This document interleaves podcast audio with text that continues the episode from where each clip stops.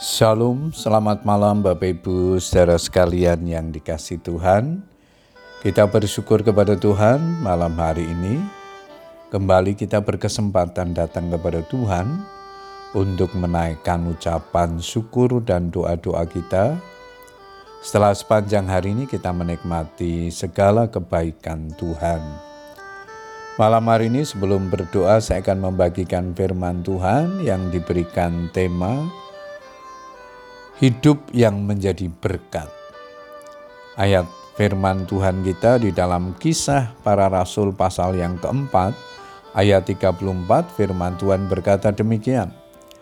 Sebab tidak ada seorang pun yang berkekurangan di antara mereka, karena semua orang yang mempunyai tanah atau rumah menjual kepunyaannya itu, dan hasil penjualan itu mereka bawa. Hidup yang menjadi berkat adalah panggilan Tuhan bagi setiap orang percaya. Yusuf yang oleh rasul-rasul disebut Barnabas, artinya anak penghiburan, seorang Lewi dari Siprus, adalah salah satu contoh orang yang hidupnya menjadi berkat atau kesaksian bagi orang lain. Orang yang menjadi berkat adalah orang yang menerima beban ilahi sehingga ia memiliki empati ketika melihat satu kebutuhan yang dirasakan oleh orang lain atau lingkungan, dan kemudian mengabdikan diri dalam pelayanan. Ketika gereja mula-mula mulai bertumbuh, banyak sekali petubat baru, di mana kebanyakan adalah orang-orang yang berasal dari keluarga sederhana, secara materi pas-pasan, dan bisa dikatakan hidup dalam kekurangan.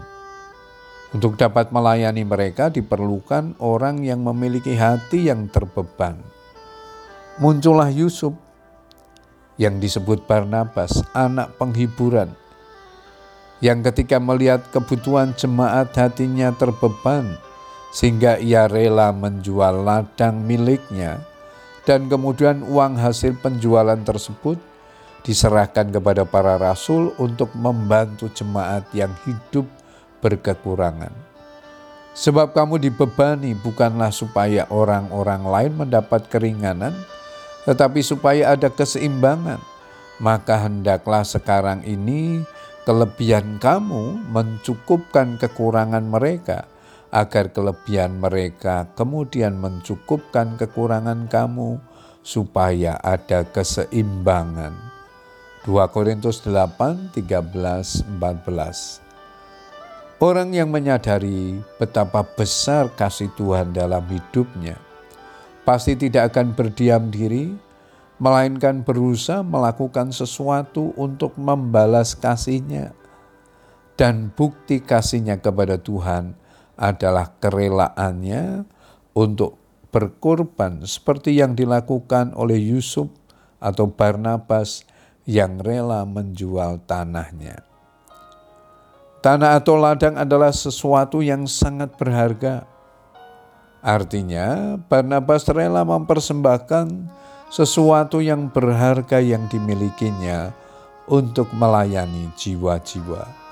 Hal itu menunjukkan bahwa ia menempatkan pekerjaan Tuhan dan kepentingan sesama lebih dari kepentingannya sendiri. Yusuf atau Barnabas sadar bahwa Tuhan Yesus adalah Raja di atas segala raja, Tuhan di atas segala Tuhan yang berhak dan layak menerima segala yang terbaik dari hidup kita. Puji Tuhan Bapak Ibu Saudara sekalian, ialah teladan daripada Barnabas yang kita baca pada malam hari ini peran sertanya, kontribusinya bagi pekerjaan Tuhan di masa gereja mula-mula menginspirasi kita supaya kita juga peduli dan rela menjadi berkat bagi pekerjaan Tuhan di muka bumi ini. Selamat berdoa. Tuhan Yesus memberkati kita semua. Amin.